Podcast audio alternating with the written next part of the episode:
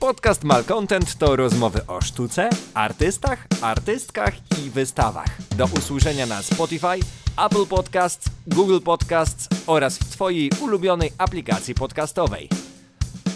Jak się dowiedzieliście ze wstępu, słuchacie podcastu Malcontent. Projekt Malcontent to nie tylko podcast, ale również strona internetowa i magazyn, którego premiera w internecie odbędzie się już 17 marca. Więcej dowiecie się z naszej strony lub profili na Facebooku i Instagramie. Za to, no, uwaga, kolejna nowość. Jeśli jesteś malcontentką lub malcontentem, to możesz nas wesprzeć za pomocą serwisu Patronite. Linki do tych wszystkich profili znajdziesz w opisie tego odcinka. Z tej strony Mikołaj Krupa, a przy drugim mikrofonie redakcyjnym pan redaktor Adam Parol. Powie... Dzień dobry, dobry O. wieczór. A przed nami wspaniała gościni, e, z którą mamy przyjemność otwierać już trzeci sezon naszego podcastu. Kaja Werbanowska. Dzień dobry. Dzień dobry, dobry wieczór. Słuchaj, tak miksując e, informacje z twojego Instagrama, LinkedIna i wszystkich biogramów, które znalazłem, tak e, trudno ulepić jednego człowieka. W sensie to, to tak jakbyś miała, wiesz, 40 godzin w dobie. I teraz wyobraź sobie taką sytuację, że lecisz gdzieś samolotem i obok ciebie siedzi taki no, albo taka e, pasażerka, e, która tak cię w takim small talku pytam, czym się zajmujesz? Co odpowiadasz? No to jest trudne pytanie. Nawet ostatnio moje przyjaciółki się ze mnie śmiały, że wypisywały mi kartkę z życzeniami e, na urodziny i nie były w stanie e, napisać, czego chcą mi życzyć, bo robię tyle rzeczy na raz. E, no z jednej strony, i to jest chyba moja główna działalność, prowadzę galerię promocyjną, która mieści się na rynku Starego Miasta w Staromiejskim Domu Kultury. Równolegle, co też jest w sumie moją pasją, e, zajmuję się fotoedycją, e, zajmuję się też produkcją sesji zdjęciowych. Jestem trochę po tej drugiej stronie, czyli działam w prasie, w magazynach e, i to też jest dla mnie bardzo ciekawa rzecz. Natomiast zajmuję się też em, pisaniem i też bardzo to lubię. Od roku uczęszczam do Polskiej Szkoły Reportażu. E, Uczę się jakby pisać bardziej właśnie od takiej reporterskiej strony, co jest niesamowicie pasjonujące. E, No i z tego też gdzieś tam rodzą się e, ciekawe rzeczy, ciekawe projekty, między innymi wystawa, którą os- ostatnio, ostatnio pokazywaliśmy w promocyjnej, czyli Rok na protestach, który trochę łączy się z moją ostatnią pasją z tego roku. To tak mało było na potrzeby small talku, ale ro, ro, rozumiem, że w pełni rozwinięte zdanie jest bardziej kulturalne. Nie? Jest tego więcej, ale to tak pokrótce. My się spotkaliśmy pierwszy raz jakiś rok temu, albo chyba nawet rok temu z Hakiem na wystawie Józefa Pilata. Pamiętasz? Tak, pamiętam. To były jeszcze piękne czasy przed COVID-em, nie? W sensie- Dokładnie, to była os- przedostatnia wystawa przed COVID-em. Tak, to były piękne czasy. Jeszcze był wernisaż normalny. Mhm. To prawda, było. I były oprowadzania. To jest dziwne, że rozmawiamy o tym jako o jakimś kosmosie, nie? Ale to, To już... był luty, mamy teraz marzec, więc dokładnie rok później. Nie, ja się złapałem ostatnio na tym, że de, ob- oglądałem chyba jakiś koncert w telewizji i tak wiesz, zobaczyłem, że tam jakieś 50 tysięcy ludzi na stadionie, po prostu wiesz, wszyscy obok siebie, bez maseczek, wszyscy jak tacy wyluzowani i tak złapałem się na tym, że pomyślałem o tym, jakbym myślał o XIX wieku, nie? Że to były takie czasy, nie? W sensie, że ludzie się tak zachowywali. Jest... Ja się łapię na tym, jak oglądam filmy, że dlaczego oni nie mają wszyscy e, maseczek. To jest dla mnie bardzo dziwne. To taki nerw trochę. Trochę tak. Słuchaj, to, My ostatnio się zastanawialiśmy, jak to będzie za 20-30 lat, jak będą kręcić filmy o 2020 roku, Mhm. jak kostiumografowie będą mieli problemy na przykład z doborem maseczek, albo te maseczki będą musiały być przybrudzone, kwestia No. noszenia ich na nosie. To będą, wszystkie te rzeczy będą musiały być ujęte w filmach. To jest A, to mega... Mhm. To jest tak z perspektywy 2020, to 2012 był nieaktualny, nie? W sensie, zwłaszcza myślę o filmie, dobra, myślę. E, słuchaj, z twojego projektu Miejsce Artysty można by uznać, że jesteś taką najbardziej przekrojową ekspertką, jeśli chodzi o pracownię w Warszawie przynajmniej. E, i, i, I takie pytanie, tak trochę prośbą może o komplement, tak, e, tak w skali od 1 do 10, ten, ten widok za oknem, jak, jak oceniasz? No, widok jest świetny, ale przyznam, że y, no, co przychodzę do jakiejś pracowni, to, to, to jestem za każdym razem zaskoczona tym, jak różne one potrafią być i byłam też w takich pracowniach, które mają równie genialne widoki na, no, z, panoramą, na, z panoramą na całą Warszawę. Y, No ale tak jak y, pokazuje ten projekt, no, każdy, każde miejsce jest inne i każdy ma w sobie coś fascynującego tak naprawdę. Za, każdym razem jak przychodzę, to sama się sobie dziwię, że jestem zafascy- zafascynowana na nowo, nowym miejscem, nowym artystą i, i tym, co tam w środku można tak naprawdę odkryć, bo, bo odkrywam za każdym razem skarby i dlatego oprócz tego że piszę o tych miejscach i jakoś staram się mm, plastycznie to opisać, to też robię zdjęcia i, i robię też ten fokus jakby na takie małe, drobne rzeczy, które pokazują ten świat, e, niesamowity, magiczny świat artystów, którzy, który no, na co dzień jest niedostępny tak naprawdę dla normalnego odbiorcy, taki, który, takiego, który przychodzi do galerii. No to jest takie trochę miejsce wyjęte spo, spoza, nie, nie wiem, takiego może nie świata, to dużo powiedziane, ale obserwuję to chociażby po naszych sąsiadach, że nie, nie, wiem, chociażby jak pierwszy raz przyszła do nas e, kontrola z administracji chyba co, co, co do kominów, to po pierwsze pierwszy raz widziałem, żeby cała administracja przyszła naraz, a, a potem się bardzo szybko dowiedziałem, że wszyscy tak od pięciu lat się mniej więcej zastanawiają, jak wygląda to miejsce, nie? W sensie każdy sąsiad, którego spotykamy i się dowiada, że my jesteśmy z tego 11, nie? To jest od razu to, zupełnie inny poziom rozmowy, nie? To jest tak koniec końców to zwłaszcza kiedyś, nie? W sensie budowali przecież e, na ostatnich piętrach nie penthouse'y, nie, nie, nie dźwigów, nie? Tylko właśnie pracownie artystyczne. To jest... No tak, to prawda. No ja też byłam w takich pracowniach, chociażby u Alicji Bielawskiej. To jest pracownia na Muranowie, gdzie rzeczywiście te budynki z lat 50. były specjalnie projektowane pod pracownie artystyczne. Na początku mieściła się tam pracownia rzeźbiarska, tak właśnie od lat 60. Potem pracowała tam jej mama, e, teraz to starzec, a, a teraz pracuje Alicja Bielawska. Tak, ale tak wracając do tego, co powiedziałeś, to wydaje mi się, że to jest niesamowite, mm, no właśnie dla tych ludzi z zewnątrz, zobaczyć, w zasadzie po to też powstał ten mój projekt, żeby pokazać ludziom, no bo ja na co dzień też chodzę po pracowniach, spotykam się z artystami i no dla mnie to jest fascynujące, a co dopiero dla osób, które, e, no, które w ogóle nie znają tego świata i potem widzą dopiero te obrazy na czystych, białych ścianach galeryjnych i w zasadzie nie wiedzą, jak wygląda ten proces od drugiej strony. I ja właśnie trochę na tym procesie i na tym, e, na tym takim chciałam, przychodzi mi do słowo do głowy brudzie takim, ale może to jest złe słowo, E, no ale jakby pokazują po prostu tą drugą stronę e, pracy artysty. Tego miejsca i tego, jak w ogóle sztuka, e, miejsce wpływa i determinuje to, jak prace mogą na przykład powstać. No bo mm, na przykład pracownia rzeźbiarska na ostatnim piętrze może być dosyć problematyczna. Na przykład Krzysztof Bednarski ma pracownię na, na, w piwnicy i specjalnie wybudował sobie dźwignię żeby te swoje wielkie, gigantyczne mobidiki móc wciągać e, na górę przez, e, przez, przez e, dźwignię. Więc to jest ciekawe bardzo.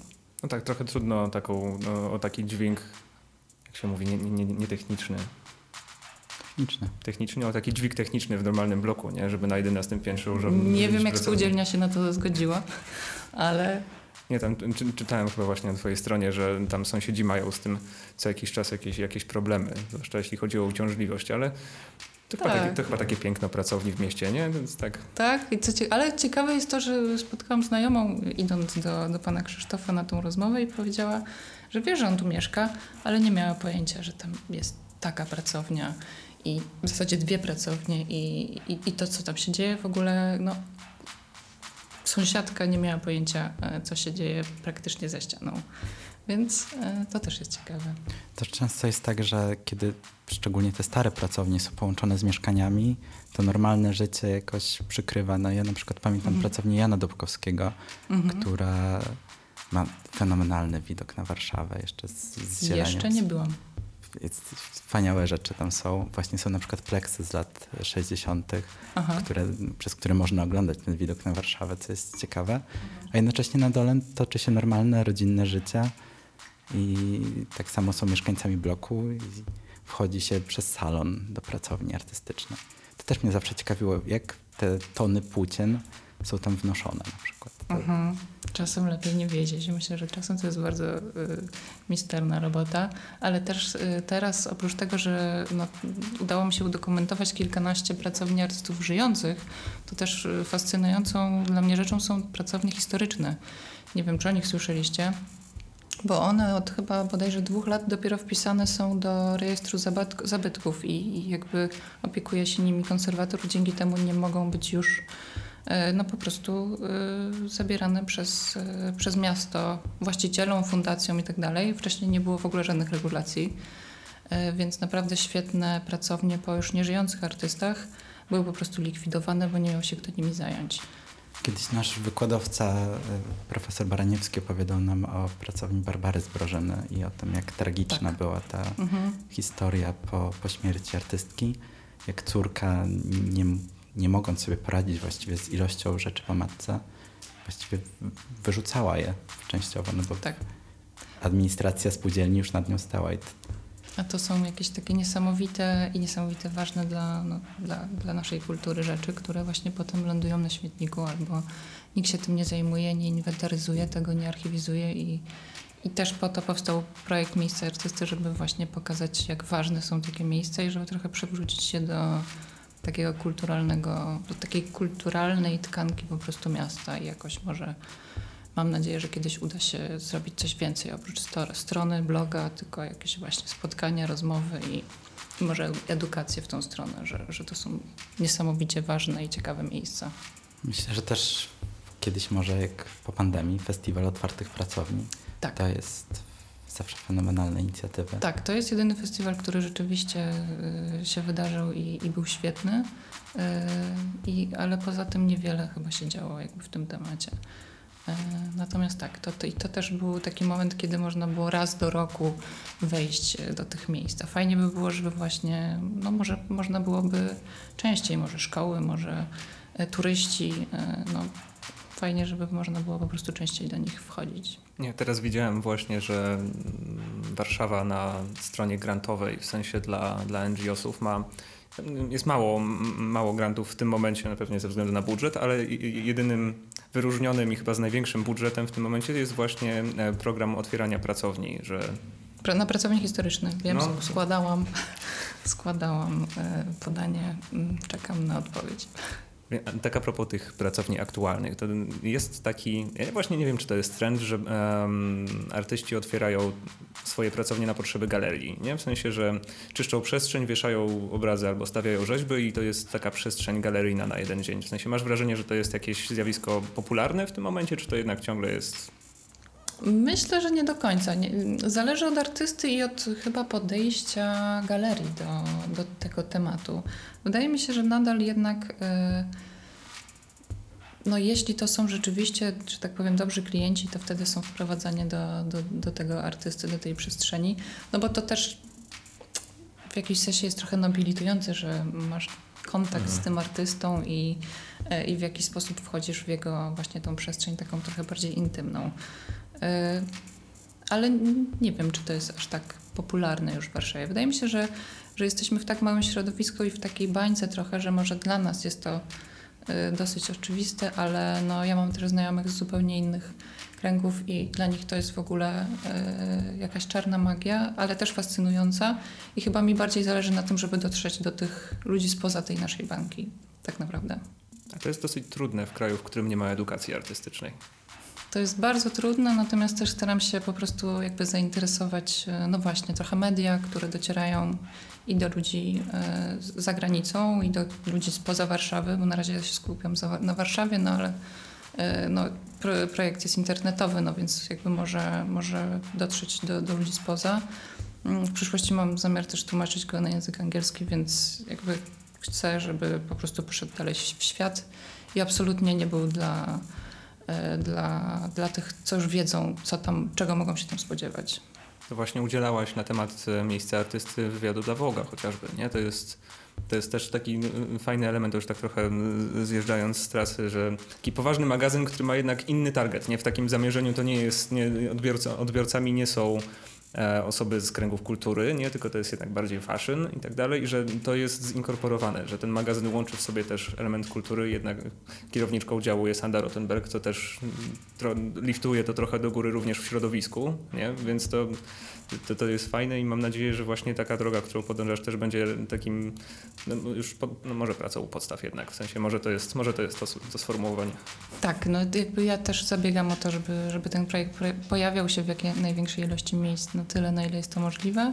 E, Wydaje mi się, że WOK jest dosyć świadomym miejscem i łączy jednak, oprócz tego, że modę to jest, e, to jednak mówi też i o sztuce, i o psychologii, i o literaturze i, i jest to rzeczywiście fajne, fajne miejsce, żeby o tym mówić i, no i docierać też do, do młodszych odbiorców tak naprawdę, którzy prostu siedzą gdzieś w jakimś innym punkcie w Polsce i, i, i co na co dzień odpalają stronę Woga, żeby sprawdzić, jakie są, e, no co, co ciekawego dzieje się w świecie także sztuki. Masz jakiś plan? W sensie już jesteś umówiona w jakiejś pracowni, czy na razie to jest zawieszone jednak? E, czekam na odpowiedź e, konserwatora zabytków, jeśli chodzi o konkurs, ale tak, jestem już umówiona do, do pracowni historycznych i już mam swoją listę i będę ją niedługo realizować. Także teraz chcę, chcę pójść w stronę historycznych tak czy inaczej, bo wydaje mi się, że, że jest to po prostu ważne, żeby też je przypominać. Czyli osyłając do więcej informacji i aktualności znajdziecie na miejsceartysty.pl. Zgadza się? Tak? Fantastycznie. Dobrze. teraz może zakręcimy w drugą stronę. To tak uczciwie, jakie są plusy i minusy prowadzenia galerii pod skrzydłami Domu Kultury? Tak uczciwie. Nikt tego nie słucha, nie przejmuj się. Okej. Okay. Powiem Ci, że e, od jakiegoś czasu mamy dużo zmian w Domu Kultury, co oznacza, że zmieniła nam się, e, zmienił nam się zarząd, który trochę ma inne myślenie na temat sztuki i tego, jak powinna być ona pokazywana e, i też dofinansowywana.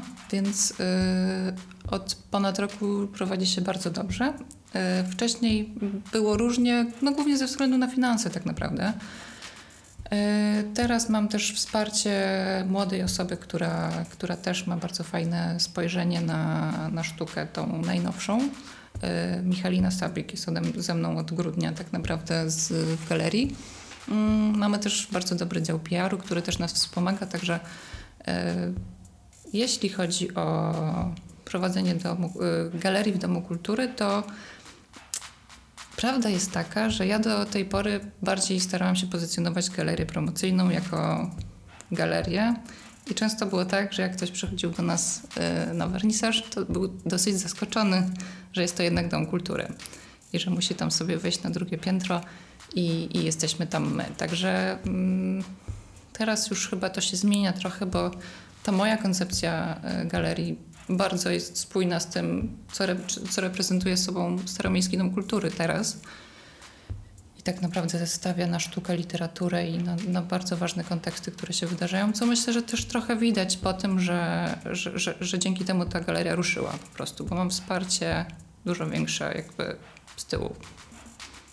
Znaczy, to, to, wiesz, to też zaznaczmy, że to nie jest pierwsza lepsza galeria w, Domu Kultury, bo to jednak ta instytucja, jak łączysz galeria i Dom Kultury, to jest jednak taką, takie miejsce, w którym się trzyma krzesła, nie? Więc to e, galeria promocyjna ma długą tradycję i zaczęła działalność, mogę tak powiedzieć, jako krzywe koło dawno temu, którą kształtował Marian Bogusz e, i dosyć duża, już tak patrząc w tym momencie, już nawet klasyczna kadra Akademii Sztuk Pięknych w Warszawie debiutowała. Ja sobie myślałem od razu, ja jestem z Lublina, o grupie Zamek, która przecież to jest mhm. miejsce warszawskiego debiutu. Właściwie w większości artystów. Zdradzę Wam, że no teraz mamy w ogóle e, w tym roku 65-lecie, bo w 56 roku Bogusz założył Galerię Krzywego Koła i e, jeszcze o tym nie mówimy, ale mogę Wam powiedzieć, że na jesień, jesienią szykujemy wystawę właśnie taką przypominającą tą historię z okazji 65-lecia i no już robimy dużą kwerendę e, w archiwach i Ewa Tatar będzie kuratorką. Szykuje się naprawdę bardzo ciekawa wystawa, no bo no, trzeba to podkreślić, że Krzywe Koło zaraz po wojnie było jedną z najważniejszych, jednym z najważniejszych miejsc obok Krzysztoforów czy, czy Galerii Foxel w Polsce tak naprawdę. Miejsce, gdzie się odradzała właściwie sztuka nowoczesna. Dokładnie po, tak. W latach socjalizmu. Dokładnie tak. Dość ciekawe jest to, że właściwie cały czas no, galeria jest skupiona na przypomin... znaczy na pokazywaniu młodych twórców, jak było na samym, na samym początku. Tak samo Marian Bogusz działał, później twój tata, Jacek Werbanowski, tak teraz działasz ty. I... Yy, tak, to prawda. Staramy się cały czas, yy, no przede wszystkim współpracować z, z akademiami w całej Polsce. Najprężniej, po prostu najbliżej jestem do Akademii Warszawskiej, wiadomo, stąd też właśnie E, no, wielu profesorów e, miało tutaj swoje pierwsze wystawy, co jest, co jest bardzo śmieszne. Ja czasem przez, znaczy przez kilka lat robiłam też, teraz trochę pandemia nam pokrzyżowała plany, takie wystawy, które nazywałam Powroty po latach. I pokazywaliśmy artystów, którzy na przykład jak e, Piotr Młodożeniec czy, czy Paweł Susic mieli swoje pierwsze wystawy takie zaraz po Akademii e, w galerii promocyjnej i właśnie powiedzmy po 30 latach wracali już jako tacy artyści e, no, uznani do przestrzeni galerii. To było, jest, nadal mam zamiar to kontynuować, bardzo ciekawe.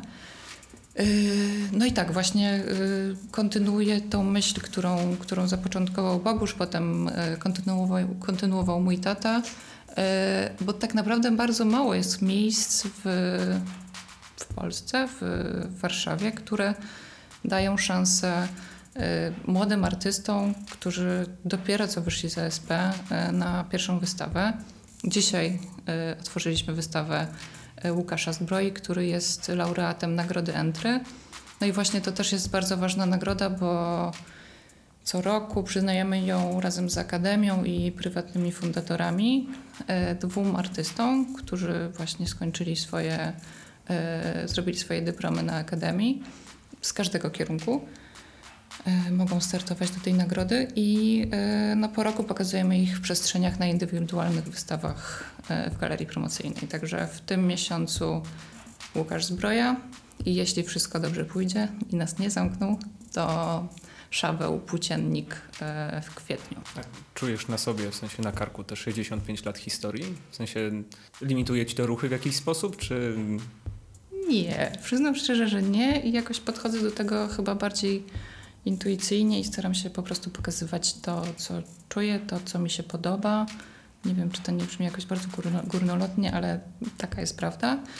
Ja też e, ze względu na to, na swój zawód, czyli właśnie tą, tą działanie w mediach i bliskość medium fotografii, wprowadzam też fotografię, która wydaje mi się być e, coraz ważniejsza i no tak staram się przynajmniej 20% wystaw w roku robić fotograficznych. Stąd e, no, pokazywaliśmy, no, chociażby w listopadzie pokazywaliśmy bardzo fajny projekt Chrisa Nidentala i Tadeusza Rolkę, sąsiadka.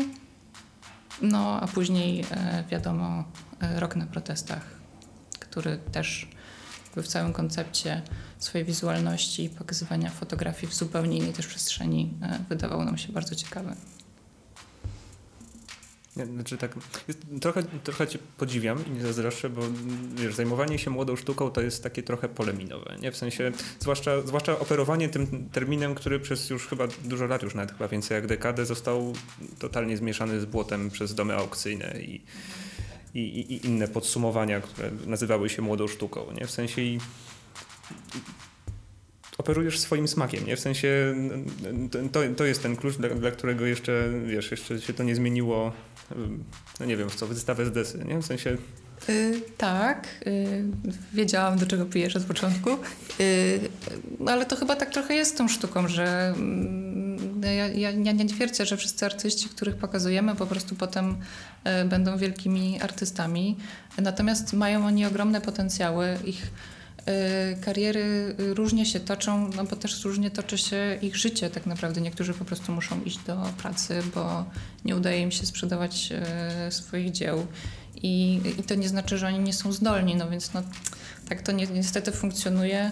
Y, a, a właśnie pokazywanie i dawanie ich tej, tej szansy na, na samym początku i właśnie próba jakby pokazywania, pokazania ich w mediach i tego, że no, często artyści, którzy dla niektórych nie rokują w ogóle, mogą być fajni i potem na przykład widzę, że naprawdę ważne galerie i ważni y, właściciele galerii takich czy muzeów nawet przychodzą do nas, żeby zobaczyć tego młodziaka, który no, ma swoją pierwszą wystawę y, no, i, i, chcą kupić pracę na przykład do kolekcji, jest no, ogromną satysfakcją.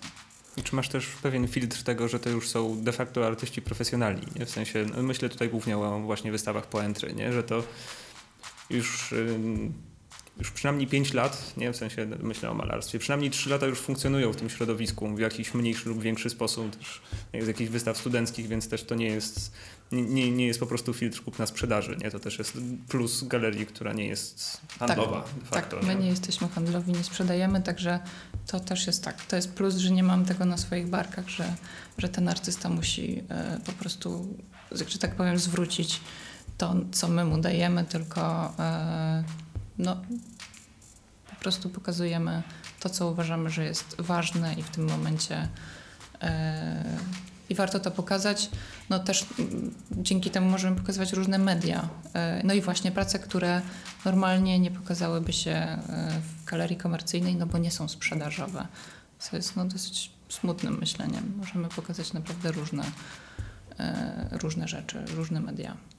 A jak wygląda proces Twojego mapowania nowych, nowych nazwisk na, w Akademii? Czy w mm. ogóle w tym takim świecie młodych warszawskich artystów i artystek? W zasadzie to cały czas staram się być na bieżąco z tym, co się dzieje. Po prostu chodzić po wystawach to raz, ale też oczywiście patrzeć na dyplomy i za każdym razem co roku po prostu obserwować, kto wychodzi z akademii, nie tylko z warszawskiej, tylko ze wszystkich akademii. Y, też obserwować konkursy artystyczne. E, jakoś samo to wychodzi e, chyba tak ostatnio, szczerze mówiąc, i też dużo osób się do nas zgłasza, więc jakoś tak, jak o tym myślę, to jest to dosyć naturalne. A czy w ogóle jeszcze coming outy są, są jakąś taką imprezą, która jest, która wyróżnia? Czy, bo zarówno Łukasz, jak i Szaweł znaleźli się na coming outach, zajęli całkiem dosyć dużą przestrzeń ekspozycyjną dostali. Czy nie jest trochę tak, że te coming outy gdzieś wytraciły swój impact, szczególnie po tej edycji e, zdalnej, tak to powiedzmy? Zdalnej? Y, no myślę, że tak, że trochę, że trochę przeszło to niestety bez echa.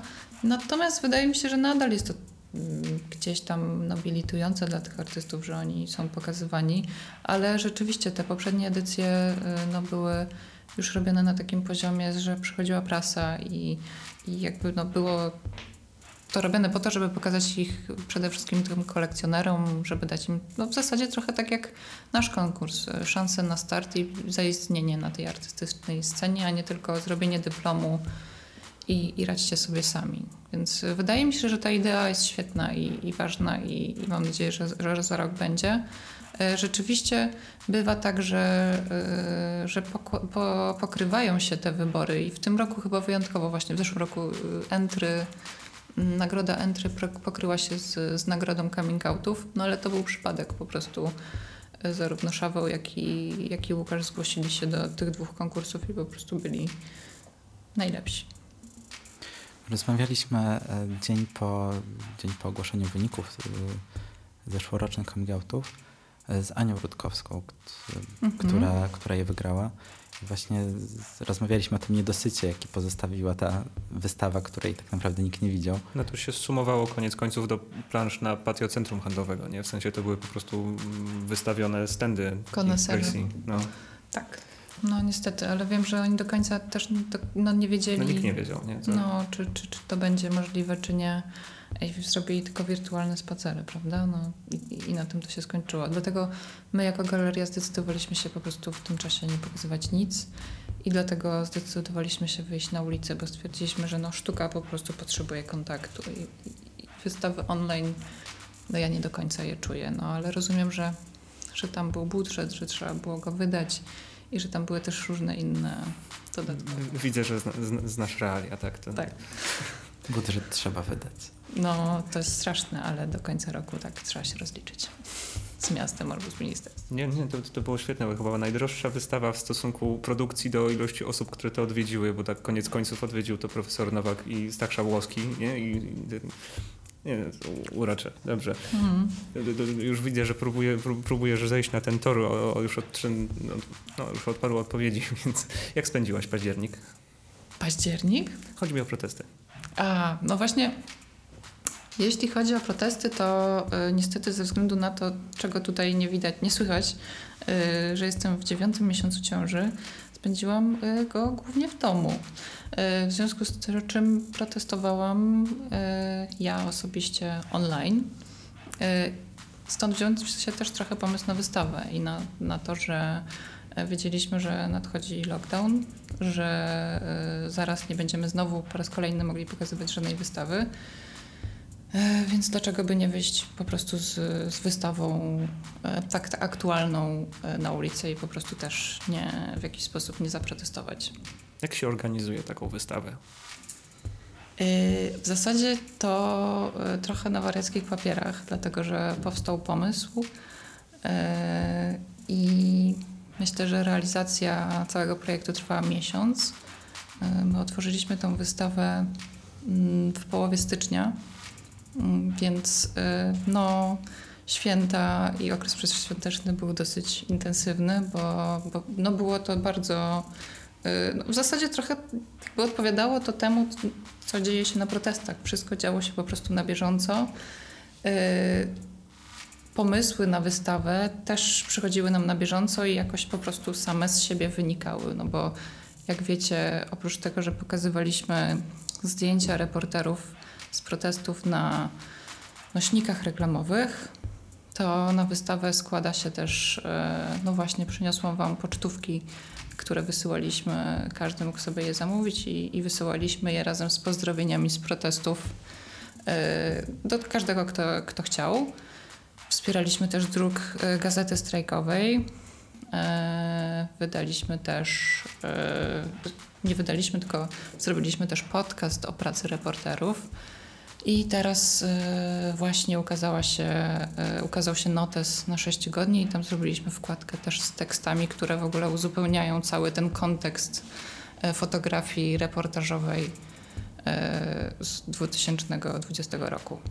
To właśnie podkreśliłaś przed chwilą, że nie, nie czujesz wystaw online i to mam wrażenie, że jest taki bardzo bardzo dobry substytut tego, żeby przy zamkniętej galerii ludziom też pokazać coś, no nie w warunkach galeryjnych siłą rzeczy, bo dla tych, którzy jeszcze nie złapali jakimś dziwnym trafem, o czym rozmawiamy, to, to galeria promocyjna zorganizowała wystawę, która składała się z między innymi 20 e, outdoorowych nośników reklamowych. 20, dobrze mówię? Było ich nawet trochę więcej, ale tak, były to przede wszystkim słupy, yy, nośniki na przystankach, billboard, yy, city lighty, Y, Smart City, czyli takie y, wyświetlane, wyświetlane na ekranie też zdjęcia i, i wielki ekran w, w mestrze Świętokrzyska. Czyli to, to, w sumie to był jedyny sposób, żeby, komu, żeby ludziom pokazać sztukę, czyli urządzić takie podchody po, po Warszawie. Nie? czy to... tego chcieli, czy nie. I tak, no jeszcze do dzisiaj w niektórych miejscach wiszą te, można je zobaczyć, te zdjęcia. Zwłaszcza, że komunikacja outdoorowa w trochę w ostatnich czasach stała się niebezpieczna. W sensie, wiesz o czym myślę, nie? Tak. E, więc to... Znaczy, jak zaczynaliście, to jeszcze chyba nie było tego wariactwa, które było, jest teraz. Było, było, było od miesiąca i nam nawet e, sugerowano, żeby uważać, żeby za blisko się nie, e, nie, nie, pozycjonować, że tak powiem, obok. Natomiast my tutaj jakby założeniem tego, e, gdzie wybraliśmy punkty pokazywania naszych fotografii, były też miejsca, w których się te protesty rzeczywiście wydarzały, więc jakoś tak udało nam się to mm, sprytnie ominąć. Bo to w sensie myśląc o tych, nie, nie, mówię o waszych billboardach, tylko mówię o tych drugich, jestem w sensie pod dużym wrażeniem, że ktoś, ktoś gdzieś wierzy, że rzeczywiście będzie wpływał na opinię publiczną kampanią outdoorową, tak nazwijmy to tak, tak mocno i właśnie to, to, to, w sumie powoduje takie spięcie, ponieważ wasza wystawa dotyczy się generalnie tego samego, ale na drugim biegunie, nie? I to jest... To prawda.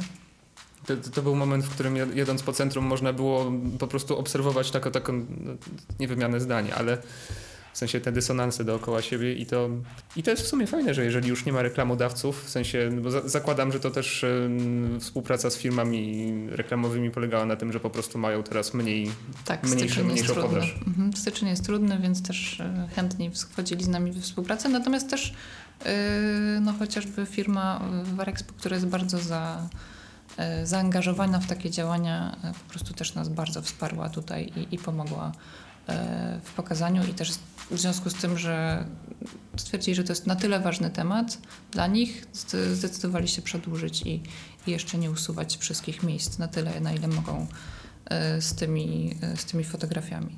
My też zresztą trochę nie wyobrażaliśmy sobie pokazać fotografię, która jest no, tak silna wizualnie, dzieje się wszystko na ulicy w zasadzie też w social mediach, bo to działa bardzo viral, wiralowo też w social mediach, w galeryjnych ramkach e, powieszone na, e, na białych ścianach. Jakoś zupełnie nam to nie, nie pasowało, więc w zasadzie idealnie się złożyło. Jak się mierzy odpowiedź z takiej wystawy? No jak otwierasz wystawę, to widzisz, wiesz, wernisaż, widzisz ludzi, którzy wchodzą, wychodzą, jesteś w stanie jakoś to zmierzyć. I na, w sensie Chcę, chcę trochę zapytać o to, czy czujesz, że odnieśliście sukces, ale na pewno zobaczyło tą wystawę dużo ludzi, nie? W sensie To jest masa. najbardziej, najwię- najbardziej oglądalna wystawa galerii promocyjnej na Myślę, pewno że- wszechczasów. Myślę, że tak. Yy, Myślę, że wiele osób się dowiedziało, czym jest galeria promocyjna, ale co ciekawe, musiałam potem w styczniu wypełniać tabelki GUS-u i wpisać, ile osób zobaczyło wystawę. I nie miałam zielonego pojęcia, co tam wpisać, więc panią księgową musiałyśmy się dobrze zastanowić. Yy, Ale tak, no, jakby widać to było przede wszystkim w prasie, bo chyba każdy tytuł, który mógł ważny napisać, to, to napisał o wystawie. Yy, I, I też jeśli chodzi o informacje, które dostawaliśmy z miasta yy, i, i spoza Polski w ogóle, yy, były, odbiór był ogromny. No, prawda jest też taka, że dosyć dobrze, że tak powiem, wbiliśmy się w ten moment, bo to był moment właśnie, yy, kiedy wszystkie galerie były zamknięte. Jeszcze, bo otworzyliśmy się 16, yy, z 16 stycznia.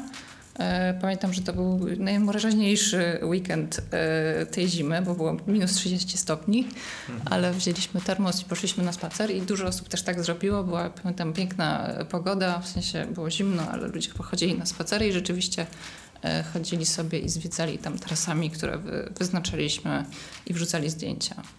Także tak, myślę, że, że odbiór był bardzo duży. Coś mówiłaś, że planujecie powtórkę? W sensie drugą część? Nie chcę jeszcze zapeszać. Myślimy o tym, jak to, jak możemy pokazać tą wystawę jeszcze e, dalej. E, natomiast jesteśmy na etapach rozmów. E, jedynym problemem jest właśnie to, że trochę nie chcemy tej formuły galeryjnej. Co wiąże się też z dużymi kosztami, no bo trzeba to wszystko wydrukować i, i, i, fotografowie też powiedzieli nam, że po prostu oni też nie widzą tego w przestrzeni po prostu powieszonej na białych ścianach. Także jesteśmy w trakcie jeszcze, zobaczymy co z tego wyjdzie. E, Nam też zależało na tym, żeby to pokazać po prostu jak najszybciej na początku roku, bo, no bo ta, jakby ta historia dzieje się trochę na naszych oczach. Jest takie zdjęcie, które zrobiła Michalina Kuczyńska, chyba jakoś pod koniec stycznia, kiedy wystawa jeszcze wisiała i właśnie był, szedł protest e, i zrobiła zdjęcie naszego słupa na tle przechodzącego tłumu protestujących ludzi. To było dosyć niesamowite, że jakby no, taka incepcja, nasze zdjęcia w, na tle protestów, e, jakby to jest jakiś taki nowy wymiar, który, który, którego dostały. Też niesamowite jest to, jak bardzo właściwie sztuka realizuje się jakby w, w tej rzeczywistości.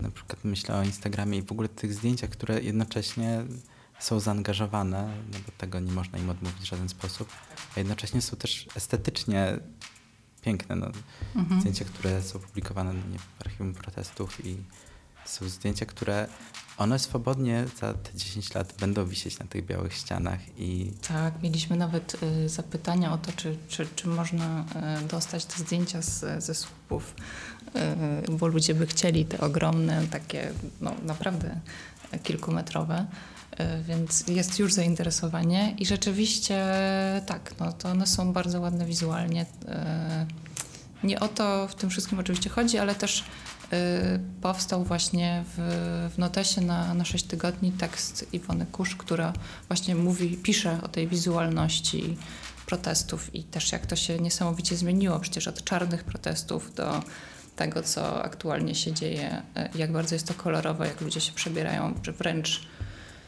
no, trochę chcą być sfotografowani, trochę chcą y, zaistnieć y, podczas tych protestów, prawda? Więc to jest też dosyć niesamowite, że, że fotografowie to łapią, ale też każdy z fotografów, bo może trzeba powiedzieć, kto, kogo pokazywaliśmy na tej wystawie. E, Był to Karol Grygoruk, Grzegorz Wołnicki, Rafał Milach, Agata Kubis, Agata Grzybowska i Michalina Kuczyńska.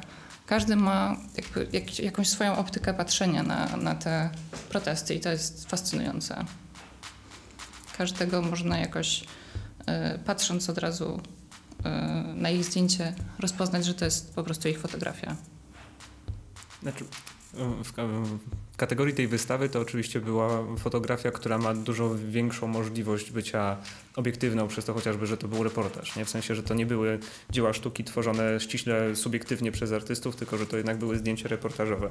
I tak myśląc o sztuce, zwłaszcza o tej, nazwijmy to, zmianie, która trochę jakoś tak tylnymi drzwiami wchodzi w Polsce, zwłaszcza jeśli popatrzymy na państwowe e, instytucje kultury i muzea i tak dalej, to jak myślisz, jak daleko polityka może wchodzić w sztukę i sztuka w politykę? W sensie. Mm, czekamy teraz na wyniki z ministerstwa mm, właśnie na dofinansowanie, więc mam nadzieję, że nie aż tak daleko. I trochę się boję, no bo wystawa, którą pokazaliśmy, była e, jakby no, tak, opowiadała tak. się po jednej stronie, więc e, mm, no Niestety boję się, że żyjemy w takich czasach, że trzeba poczekać trochę, aż e, no i widzę po, po rozstrzygnięciu ministerialnych już niektórych grantów, że niestety idzie w tą stronę. My na szczęście jesteśmy jakby galerią, która dostaje dofinansowanie z miasta, więc mamy jeszcze dużo takiej dowolności w tym, co robimy i to jest też świetne właśnie, że, że w zasadzie nasz program po prostu jest taki, jaki sobie ustalimy i nie musimy się bać o to. Natomiast może nie będę wchodzić w szczegóły, ale już mamy jakieś reperkusje po, e, po naszej wystawie Rok na protestach. Znaczy, to, to, to jest trochę trochę straszne, że jednak sztuka jest taki, taką przestrzenią trochę wolnego, wolnej wypowiedzi, nie? że nie mówię o reperkusjach, o których wspomniałaś, tylko o tym, że, że chociażby rzeczywiście, nie wiem, czy magazyny, czy galerie, które zajmują się sztuką, no w mniej lub bardziej obiektywny oczywiście sposób, rzeczywiście mogą się z takimi, no dobrze, magazyn Szum dostał e, w, w, wsparcie z e, Funduszu Czasopism, więc nie, nie, nie ma na co narzekać. E, jednakże na przykład kwartalnik Przekrój nie dostał, co, co mnie bardzo zadziwiło nie? W sensie, że... Tak, tak, no bardzo dużo fajnych e, kwartalników, fajnych pism nie, nie dostało, e, a na pewno powinny dostać. No i no zobaczymy, co będzie dalej. Teraz chyba co, co chwilę, codziennie są jakieś nowe e, odsłony kolejnych działów, ale mm, ten, ten dział sztuki wizualnej obstawiam, że będzie niestety mm, no, trudny. Ciekawe komu dadzą, jak nie ma Arteonu, to jest... nie wiem. My, myślę, że bardzo dużo ludzi też składało. No niestety takie czasy, że, że dużo ludzi potrzebuje wsparcia, tak jak, no, tak, tak jak my zresztą. Mm, no i pokazanie w zasadzie e, wystawy, która wydawałoby się jest idealna, no bo jest o tradycji i o bardzo ważnym e, miejscu dla kultury polskiej, mm, no to nie mamy pewności, czy, czy dostaniemy niestety do dofinansowania. My tego życzymy, żeby, żebyście dostali, no bo jest to mega ciekawy temat, tym bardziej, że niestety e, wydaje się, że dzisiaj właściwie te pracownie często też będą znikają szybko ze względu na jakby po prostu procesy gentryfikacyjne i o ile z pracowni uznanych artystów, artystek e, są chronione, to, mhm. to często te młode pracownie się szybko zawijają i zamykają. Tak, jeśli chodzi o pracownię, to, to tak, to, to, to rzeczywiście tak się dzieje, ale ja jeszcze też mówiłam o, o tym mm, grancie właśnie z ministerstwa, na który czekamy yy, na krzywe koło. A, tak. A tak właśnie to zastanawiałem też... się, gdzie odleciałeś. Nie, właśnie, tak... bo... Ale Ej. mówiliśmy o dwóch, także... Nie, nie, tak. tak. Siedem godzin pracy. Siedem godzin pracy. No, jest późno. Ja nie pamiętam, żebym ja nie był w pracy. E, dobrze, słuchaj, będziemy kończyć, zwłaszcza, że już jest późno. Tak, gdybym chciał skończyć żartem, to bym cię zapytał, czy czujesz się marksistką kulturową, ale nie zrobię tego. Dlaczego? Bo widzę, że się uśmiechnęła, a słuchacze a nie muszą tego wiedzieć. A... To straszny żart. I, i, ta, I tak, i kończąc, jeżeli słuchacie tego mniej lub bardziej w marcu, to e, wybierzcie się do galerii promocyjnej na wystawę Łukasza Zbroi, bo to jest takim mottem chyba z ostatniego roku, nigdy nie wiemy, kiedy nas zamkną. Bardzo dobre. Tak. A, to raz. A, słuchaj, podobno otwieracie 12 wystaw w roku, to jest... Y, otwieraliśmy, y, natomiast już y, trochę przystopowaliśmy. Co, co więcej, ja byłam kuratorką 12 wystaw w roku. Nie wiem, jak to robiłam do tej pory. Trochę przystopowałam. Oddaję też kuratorowanie innym, więc myślę, że to też na dobre wyjdzie galerii. Jest Michalina Sablik, która też mnie wspiera, która też jest świetną kuratorką i, i też ma nowe pomysły kuratorskie, więc będzie mniej, ale myślę, że też będzie bardziej e, no, wartościowo. Dobrze, to, to, to jest... Ja nie, nie wiem, czemu powiedziałem dobrze, tak jakby czego. Um, tym optymistycznym akcentem, to druga sztampa, e, może dobrnęliśmy chyba już do końca podcastu Malcontent. E, tak jak powiedziałem, zapraszamy Was na to i wszystkie następne wystawy w galerii promocyjnej. E, wchodźcie e, często na miejsceartysty.pl, żeby zobaczyć, e, jak idzie dalej projekt z pracowniami artystycznymi. A my polecamy się na przyszłość, tak jak już powiedzieliśmy, powiedzieliśmy możecie zajrzeć do opisu tego odcinka i zobaczyć, gdzie, co, co jeżeli was, jeżeli nam jeżeli, wa, jeżeli wam nas brakuje, nie, czekaj, czekaj. Bo, to było trudne. To było trudne, a wiesz, ja tak od jakichś trzech miesięcy nie prowadziłem podcastu, więc mam potrzebę mówić i mówić i mówić. E, nie powtórzę tego zdania, już je usłyszeliście raz, to możecie zobaczyć wszystkie linki do naszych social media i wszystkiego innego w opisie tego odcinka. Więc jeszcze raz, naszą gościnią była Kaja Werbonowska, dziękujemy Ci bardzo. bardzo a z tej dziękuję. strony mówili Adam Parol. Dziękuję bardzo. Bezelo. I Mikołaj Krupa. Do usłyszenia.